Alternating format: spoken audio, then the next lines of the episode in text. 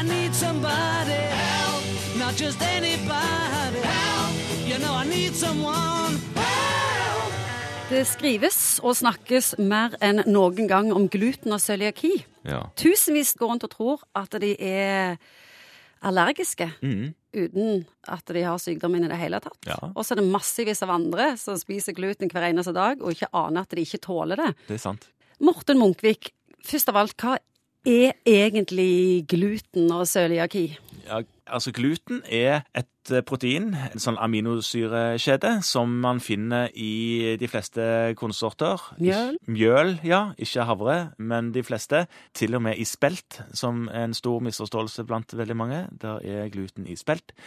Kanskje til og med mer, litt mer gluten i spelt enn i hvete. Yes. Ja, men dette proteinet det trigger da en litt kompleks reaksjon involverende immunsystemet til pasienten med cøliaki, som gjør at man mister tarmens overflate, egentlig. Man får problemer med absorpsjon av næringsstoffer. Så hvis du har cøliaki, så Ja. sliter du med gluten.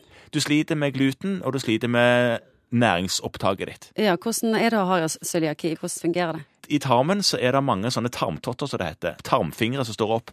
Spiser du mye gluten, så forsvinner de fingrene, og du, du mister tarmtottene dine, og det blir som et månelandskap, i motsetning til dette fine Hvordan virker det fysisk på kroppen? De blir altså slitne, trøtte, slappe, og de kan få mangelsykdommer. Noen får diaré og magesmerter. Ikke alle, men noen gjør det. Noen får til og med hudutslett, som er en egen hudlidelse som er assosiert med cøliakien. Så det er en stor pakke for mange. Noen får få symptomer og går lenge med dette her uten å vite at de har det. Før, når man ikke visste så mye om det, så gikk man kanskje i opptil 15-20 år med symptomene før man fikk diagnosen. Men hvorfor har dette blitt ei trendy greie? Det er sånn at er 17% av kvinner kjøper glutenfri mat, og 9% av mennene gjør det samme, for de tror det er sunt eller slankende. Eller tror at de ikke tåler det. Hvorfor har dette skjedd? Ja, hvorfor dette? Det har nok vært en større bevissthet omkring cøliakisykdommen i de siste årene, som gjør at leger og helsepersonell nå er mye mer oppmerksom på den diagnosen hos folk som har problemer med magen. Mange, mange, mange har problemer med magen, og de fleste tilfellene er det ikke cøliaki det er snakk om.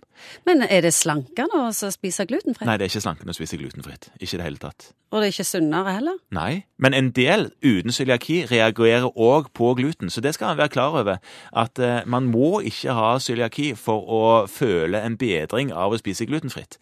Det er en ikke-cøliaki-assosiert på en måte glutenintoleranse, men dette er nok veldig mange som mener at de har den lidelsen uten at de rent faktisk har det. Men noen har det. Så, De syns at de har den lidelsen. ja, de syns de har det.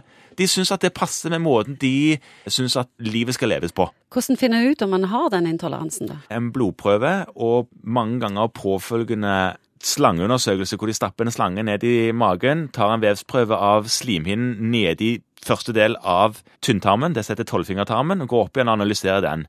Done deal. Det er jo veldig greit for alle de som har cøliaki, at det blir et større marked av glutenfri kost. Men nå er det jo nesten blitt sånn at dersom du går på restaurant og sier at du ikke tåler gluten, så blir du litt uglesett, og de gir kanskje litt Nå sier ikke jeg at alle gjør det, men du, du blir ikke helt kanskje tatt på alvor i alle restaurantnæringer. Så det du, det du nesten må si, er at du har cøliaki. Og de som har påvist cøliaki, de får jo virkelig medisinske problemer ved å spise gluten. Så du må si det på alvor. Du må si det på alvor, ja, for det, nå er det blitt, som du sier, en motegreie, og det er mange som mener mye om dette her, som ikke egentlig har peiling. Til slutt, hvis du har cøliaki, Ja. er behandlingen bare å spise glutenfritt? Ja, rett og slett.